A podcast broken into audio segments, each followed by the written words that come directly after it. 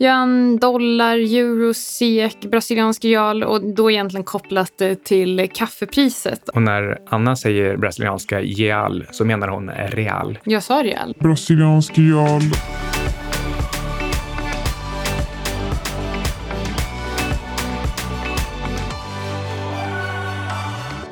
Du lyssnar på Outsiders med Syding och Svan. Och eh, Alexander Marton, vår tysta ljudkonstnär, vår räddare i nöden och han som gör det möjligt för oss att dela med oss av vår visdom. Och vi vet hur mycket jag gillar att dela med mig av min visdom. Såg du Argentinas hundraåriga bond idag? Den kraschade. Eh, ja, men valutan är faktiskt eh, ännu värre. Minus 22 eh, procent bara idag när vi spelar in den 12 augusti och eh, för ganska exakt ett år sedan, den 28 augusti 2018, så föll den 30 procent mot eh, den amerikanska dollarn. Det är väl härligt. Då blir hamburgarna billiga för oss eh, som åker dit. För det är väl knappast så att de sätter upp priserna så snabbt när eh, valutan kraschar. Men vad, vad hände egentligen? Alltså först och främst så känns det ju faktiskt eh, men ganska sorgligt om man tänker efter. Det här har faktiskt fått mig att eh, fundera ganska mycket på guld och vi kommer komma in på det och ni kommer få höra ett, något lite, ett litet annat inspel av mig än vad ni kanske är vana vid. Men så här var det, oppositionen vann oväntat stort i, i eh, primärvalet eh, och det var inte så bra. Det är i alla fall bättre än eh, Coralito och eh, Micke, 10 000 kronors frågan. Vad var Coralito? Och nu menar jag inte den här buren som man kan stoppa barn i. Nej, just det. För Coralito betyder sån liten lekhage för små barn. Men det är också det här lite, lite skämtsamma men ganska allvarliga smeknamnet på drakoniska eh, ekonomiska kontrollåtgärder som Argentina införde 2001.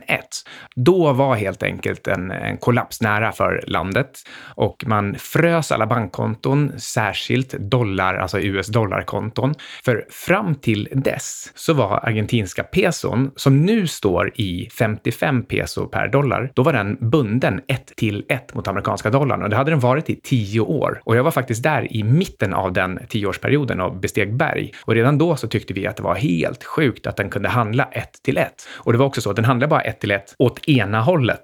Okay. Um, för, och, och dina amerikanska dollar var ju värda oerhört mycket på gatan. Så uh, det, det märktes redan då, 95-96, att det var någonting som inte stämde här. Men eh, du har rätt bra koll på att eh, det, det var inga trevliga tider de här 2001-2002 när eh, Coralito var i, eh, eh, vad heter det, i, i effekt, i fas, i, igång. Ja, nej, jag, jag var inte där 91 eh, till 2001 för det var ju när jag var, det var mitt första decennium. Men, men nej, jag vet, det var, det var extremt, eh, extremt tuffa tider där och det är väl inte helt otänkbart tyvärr att tänka sig att det faktiskt kan bli så igen det blir mer och mer som tyder på att vi är på väg mot en stor reset på något, på något sätt. Och det är ju valutor som är epicentrum här. Och det passar ju ganska bra ändå att eh, det här hände nu, för vi hade ju planerat att prata just om valutor och olika valutapar idag. Precis, vi ska prata om att devalvera eller stärka valutor och vad vi tror om egentligen den kommande tiden för yuan, dollar, euro, SEK, brasiliansk real och då egentligen kopplat till kaffepriset och eh, också som jag sa innan lite guld och eh, central bank gold agreement, eh, pund och eh, slänger säkert in lite bitcoin på det också. Och när Anna säger brasilianska real så menar hon real. Jag sa real. Ja, det, det lät lite som real på den här sidan. Aha, nej, jag sa real. Men, men eh, jag vill bara eh, förtydliga en sak om eh, just den kinesiska valutan, nämligen att själva valutan heter renminbi. Så det är alltså renminbin som stärks eller försvagas mot dollarn när man pratar om dem. Men, men kursen uttrycks som antal yuan per dollar. Så renminbins kurs är 7 yuan per dollar. Då har, då har alla förstått. Alla har förstått. Men vi kan, vi kan gå tillbaka lite till, till det vi snackade om innan. Eh, varför ett land skulle vilja ha en svag valuta. För att nu pratar ju Trump om att han twittrar ju helt eh, ja, som vanligt liksom. Och så säger han att man hade kunnat tro att jag skulle vara glad över att dollarn är så stark. Men det tycker jag inte och det är Feds fel. Eh, ett land vill egentligen ha en svag valuta. Dels, eh, dels för att det är bra för turism, tjänster, enkla produkter. Alltså man tänker på framförallt export. Det är därför som ehm, många har velat slå mig på fingrarna när jag säger att eh, eh, den svaga seken är något negativt. Så säger folk nej det är jättebra för då vill, eh, då vill många, många andra länder köpa mycket varor från eh, Sverige. Men eh, en svag valuta leder ju också till att eh, man blir lite lat på innovationssidan. Men det är i och för sig något, eh, något negativt. Men eh, en stark valuta säger egentligen att landet går bra, produktiviteten är hög, ekonomin är effektiv och förädlad. Och, och, att, eh, och det innebär också att man kan sälja produkter och tjänster med ett eh, större värde. Det här vill man väl ha, eller hur? Jag tycker ju att det ger en väldigt stark signal om att man gör rätt saker i ett land om valutan är stark. Och om valutan kan vara stark utan att den förstör exporten, ja, då har man ju verkligen ett kanonland. Och det finns ju ett bra exempel på det här och det är Schweiz som liksom aldrig ger upp sin starka valuta. Ehm, men om, om nu alla på något sätt på sistone har gått in i den här trenden att alla vill ha svag valuta och alla vill ha svag valuta samtidigt. Det är ju det det här berömda handelskriget egentligen går ut på. Det är det alla de här tarifferna och tullarna går ut på. Att, att liksom eh, fasa in folk i, i olika fack, olika sådana här eh, lekhagar och, och, och säga att håll den här valutakursen nu, annars så sätter vi eh, tullar på era grejer så att det blir den effektiva valutakursen som vi vill ha i alla fall. Jo, då när, då när alla eh, slåss om det här, vad är det egentligen valutan då blir svag mot om alla blir svaga samtidigt? Guld!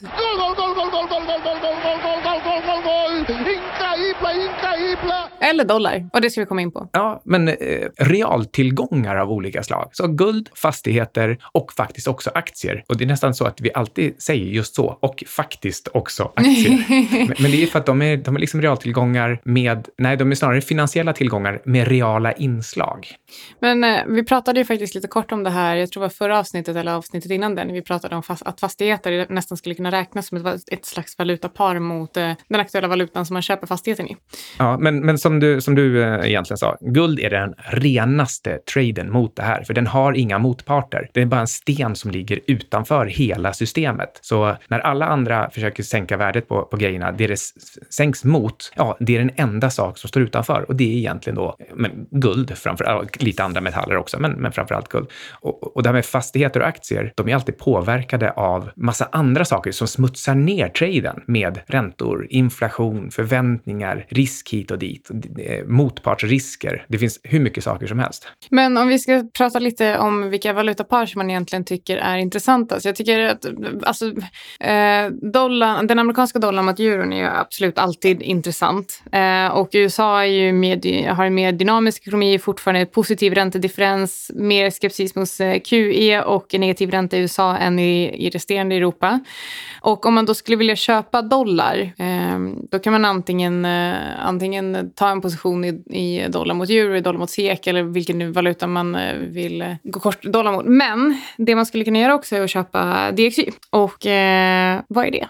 Ja, DXY är ett dollarindex som faktiskt i början när jag hörde om det här, då, då eh, tyckte jag att det kändes lite konstigt. Så här, om, om du vill gå lång dollarn, ja, då är alltid frågan, ja, mot vad då? Och då tycker jag att det helt naturliga är till exempel mot euron då, så säljer man euron så köper man dollar. Men, men det här DXY-index, det har en extra möjlighet. Det är nämligen så att en amerikan, om han tror på stark dollar, då kan han köpa DXY-index. Och om dollarn stärks mot de övriga eh, genomsnittsvalutorna som, som dollarn, eh, eller som USA, handlar mot, eh, den kan liksom stärka sig 5% 10% Det är i och för sig väldigt, väldigt mycket för den. Då går den upp 5 till 10 procent trots att den är denominerad i dollar. Så du kan sitta som en amerikan i USA och välja, ska jag köpa DXY eller ska jag köpa guld till exempel? Och guld kan gå upp 5% i dollar och DXY kan gå upp 5% i dollar. Så, äh... Men det här går väl att jämföra lite med som att köpa terminer på vilket index som helst egentligen? Ja, verkligen. Men, men, men det, det riktigt listiga här, det är att om man är svensk och vill exponera sig mot dollar och man kanske inte har lust att köpa en korträntefond, då kan man ju faktiskt köpa DXY-index. Jag tror att det finns en ETF på DXY, det måste det finnas. kanske kan kolla upp det till veckobrevet. Ja, då, och så prenumerera på veckobrevet om du vill veta hur, hur det gick. Du kan aldrig gissa vad som hände sen. Ingen kan gissa vad Men, som händer men, sen. eh, men det innebär att en, en svensk som köper DXY, om eh, till exempel dollarn går upp 5% mot kronan och DXY också går upp 5 ja, då har du ju gått upp 10 i, i kronor. Så du kan liksom få en, en dubbelsvung. Om, vilket, så här, om du ändå tror på dollarn, då, då får du ju det här utan att behöva köpa ett eh, räntepapper. Jag tror faktiskt att det var Brent Johnson som sa det. Det här var inte i Macro Voices utan vid ett annat tillfälle. Så sa Brent Johnson att eh, dollarn är den bästa fiatvalutan. Alla fiatvalutor är helt meningslösa eh, och det är dollarn också egentligen. Men om man nu ska liksom jämföra pest eller kolera så är dollarn den, eh, den bästa av dem. Så om man ska äga någon fiatvaluta så är det dollar. Jag är faktiskt verkligen beredd att hålla med. Och eh, nu är det väl egentligen så här att det mesta är bättre att äga än seken. Så att så länge du har liksom exponerat dig mot något annat än den svenska kronan så, så är du nog en vinnare i det här fallet. Dileva har ju svaret på det här med sin Vem ska man tro på? Ingen. Ska vi tro på tro? Okej, ingen. Men eh, det jag vill säga egentligen är väl att eh, se till så att du inte bara är exponerad mot en fiatvaluta, för det, det har vi pratat om innan. Och du måste inte heller välja att köpa guld om det, om det inte är det du vill. Då. Jag tycker att man bör ha guld i portföljen eh, till viss del. Eh, men annars är faktiskt den amerikanska dollarn, det är rätt bra att vara exponerad mot eh, amerikanska papper. Ja, em, ett begrepp som ofta dyker upp, det är det här med fiat. Och om man inte är van vid att prata om de här sakerna, då, då låter det bara konstigt. Vadå fiat-valuta? En valuta är väl en valuta, eller? Fiat är egentligen en valuta utan egentligt värde, är inte uppbackat av något. Bara, bara tilltro. Det är alltså Och, bara... den, och, den, och den tilltron existerar ju inte idag. Nej, den blir lägre och lägre. Och Känns, ja, det, känns det som att det finns stort förtroende i Argentina för den här argentinska peson? nej, inte om den kan falla 22 procent på en dag på grund av ett utfall i ett primärval. Inte ens i det riktiga valet. Och det här fick mig faktiskt att tänka. Ehm, för om man då går tillbaka till och tittar på hur, eh, vad som hände hände kring 2001 i, eh, i Argentina. Eh, för det var ganska mycket upplopp och eh, folk, eh, det var extremt våldsamt och det fanns inte mat och du kunde liksom inte köpa mat heller utan du fick egentligen byta varor med andra eller byta tjänster med andra för att få tag på mat. Och det slog mig då med när folk är så våldsamma. Jag och Micke pratar ju gärna ofta om att köpa lite guld och ha lite guld eh, nedgrävt och silvermynt är också superpraktiskt att ha för att det är enklare att handla med när, när krisen väl är där. Men jag kände mig som en idiot idag för jag insåg att fan vad jag liksom eh, ska vara tacksam över att jag har vuxit upp i Sverige och inte har behövt gå igenom och se den här typen av miljöer.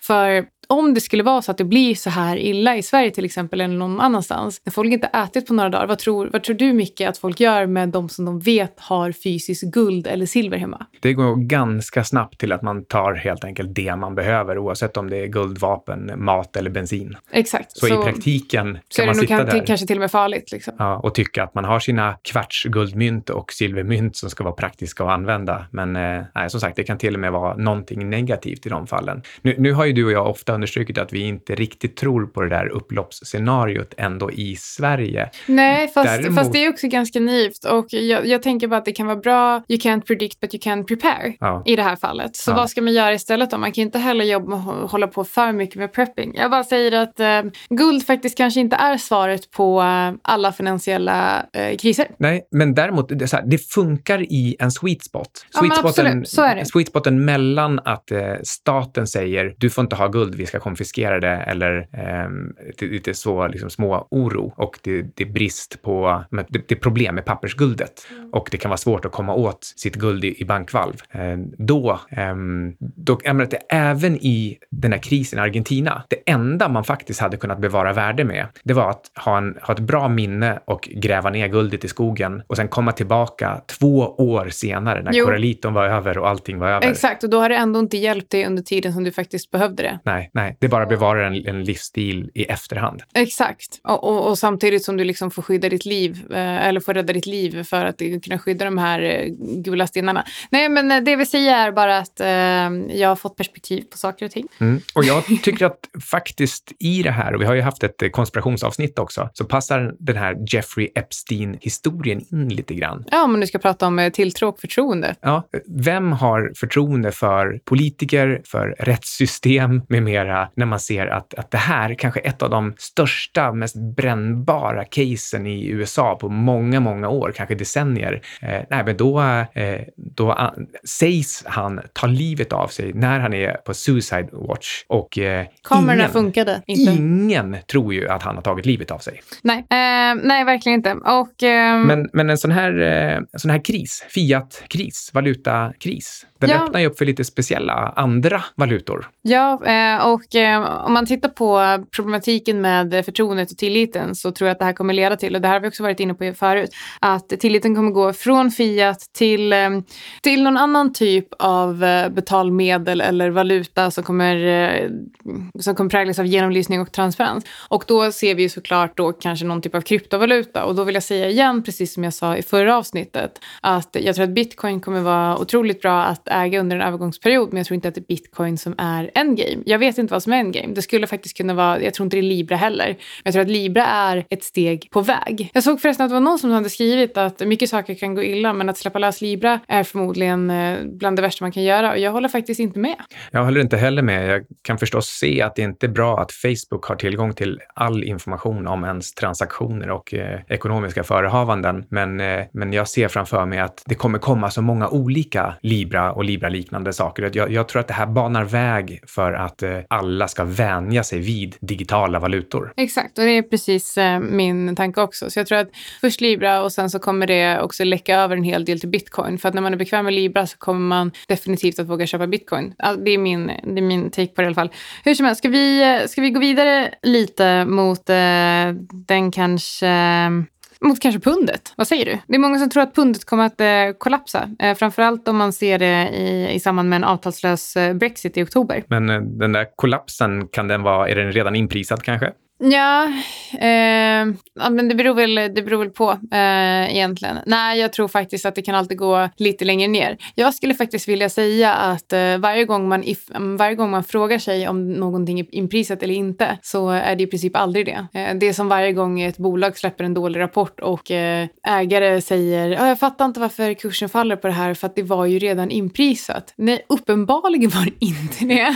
Så jag räknar faktiskt alltid med att ingenting är inprisat. Eh, för förrän det faktiskt är där. För att om man tittar nu på till exempel, även om folk säger att ja, men en, en lösning på handelskriget är redan inprisat för att, kurs, eh, för att aktiekurserna går så himla bra på Trumps tweets. Men jag kan ju garantera det, skulle vi väl få ett handelsavtal så skulle, skulle kurserna dra ännu mer. Alltså var de inte inprisade från början. Så nej, jag tror inte att en avtalslös Brexit är inprisad i pundet. Definitivt inte. Och ändå så kan man gå runt där och knyta näven i fickan om man, låt oss säga hypotetiskt sett, är kort marknaden och så går den upp varje gång Trump säger att att eh, nu är handelskriget snart över. Nu är det snart över. Eller varje gång som någon nämner att det är faktiskt QE. Det är faktiskt QE. Och man tycker att det har ni inte sagt det där redan. Men, men då är det lite det, är lite det här stock versus flow-temat. Så länge det är flow så kan det gå till hållet. Jag eh, tänker faktiskt eh, också så här att det här med att eh, korta marknaden och knyta näven i fickan. Någonting som jag verkligen har lärt mig av dig är ju att det är en dålig idé att eh, korta marknaden. Det är mycket bättre att leta efter billigare tillgångar tillgångslag och diversifiera sig med dem. För det har gjort att din portfölj går ganska bra. Mm. Det där är läropengar för dig, även om det var jag som betalade dem.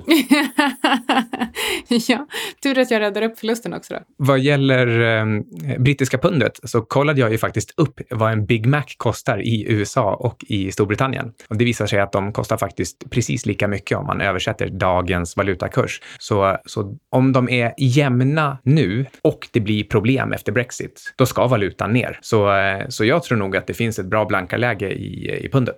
Ja, då tycker, tycker du att min analys var rätt med andra ord. Ja, och ett annat valutapar, eh, yuan versus dollar, där är jag också negativ till yuanen. Det, det har varit så historiskt. Ja, men det känns väl som att det är ganska klockrent egentligen. Ja, men, men, men, jag skulle faktiskt bara vilja säga här, om du nu vill korta pundet, om du vill korta yuanen, är det inte bara bättre att köpa DXY då? Jo, det finns ingen anledning att utforska de här liksom specifika paren. Visst, möjligen så är, är pundet lite intressant, eh, väldigt, väldigt specifikt, bara pundet mot Europa. För det är liksom, det är där själva den striden står. Det är pundet mot resten av Europa, just för att pundet bryter sig loss från Europa, eller, eller Storbritannien bryter sig loss från Europa. Så, eh, och det, och det, även om jag tror att det kommer komma massa avtal på plats förr eller senare, så det tar, sånt tar tid. Och däremellan så kommer det kosta. Eh, men du har alldeles rätt att för de allra, allra flesta, särskilt om man bara lyssnar på den här podden och tänker, men jag vill ta lite, valuta, lite valutarisk, ja men då kanske det är DXYn man ska köpa. Visst men, är det fantastiskt att du och jag snackar om valutor och vi inte avslutar med att bara, så köp guld!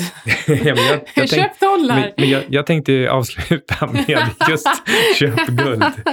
Um, nej, jag, alltså egentligen tänkte jag, tänkte jag säga att um, ofta just i valutasammanhang så får jag frågan om uh, i vilken valuta man ska köpa guld. Och då vill jag bara förtydliga igen. Guld är guld. Guld är en sten. Det spelar liksom ingen roll vilken valuta valuta man köper den i. Du kan köpa den i vilken valuta du vill och sen kan du smuggla den över till ett annat ställe och så kan du sälja den där och du kommer, det kommer alltid finnas arbitragekrafter som ser till att den, den kostar samma sak i alla valutor. Ehm, det är därför den kostar x kronor eh, grammet i kronor och eh, x dollar per ounce i, i dollar. Men det är samma pris. Det, det, det skiljer sig oerhört lite. Det, det, kostar så lite för de ton som ska flyttas mellan, eh, mellan gränserna i, eh, i de här olika arbitragen. Så eh, du kan köpa vilken valuta du vill. Men det finns faktiskt, har jag förstått, i, i, ibland finns det finns en fantastiskt dålig hedgeprodukt som säger att Eh, du kan till exempel köpa pappersguld i kronor och de kommer översätta och hedga så att du får en avkastning i procent på din kronposition som är samma avkastning i procent som guldet går i dollar.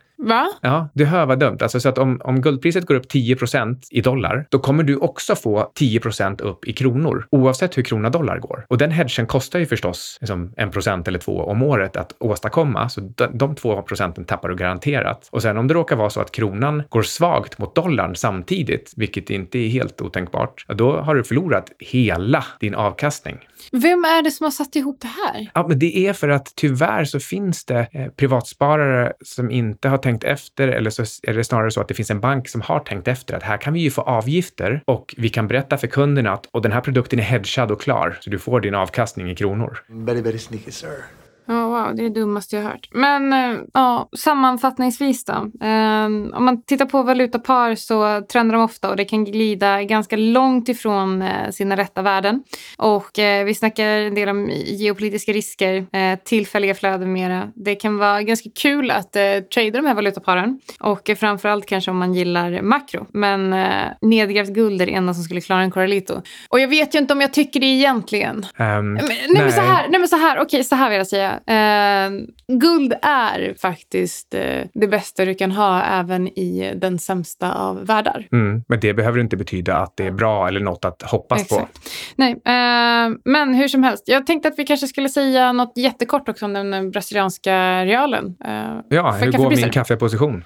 Du kort kaffe på uh, lång sikt. Uh, jag tänkte att jag skulle ta en kortsiktig lång position i kaffe för jag tror att vi kan se en, en rekyl uppåt. Och anledningen till att eh, kaffepriset fortsätter, eh, eller de fundamentala, framförallt de fundamentala krafterna som fortsätter tala för att kaffepriset ska ned, trots att bönderna idag betalar mer för produktionen än vad de får betalt, är för att alla bönder försöker sälja kaffet i eh, amerikanska dollar. Det beror på att den brasilianska realen går så jäkla dåligt, på tal om fiatvalutor som man inte har förtroende för. Så det var egentligen bara det jag vill säga om, eh, om det. Det är tur att det inte är jag som förvaltar den där kaffepositionen, för när jag tittar på grafen så ser det ut som att kaffepriset är redo att explodera uppåt. Kanske inte just nu, men, Nej, men, te men tekniskt, snart. Tekniskt, ja. Eh, absolut. Men, men, det är därför också som jag hedgar din långsiktigt eh, korta position med en kortsiktigt eh, lång position. Så får man också göra, barn, om man vill. Jag litar på dig. Det där är för svårt för mig. Hur som helst, tack för att ni har lyssnat på Outsiders.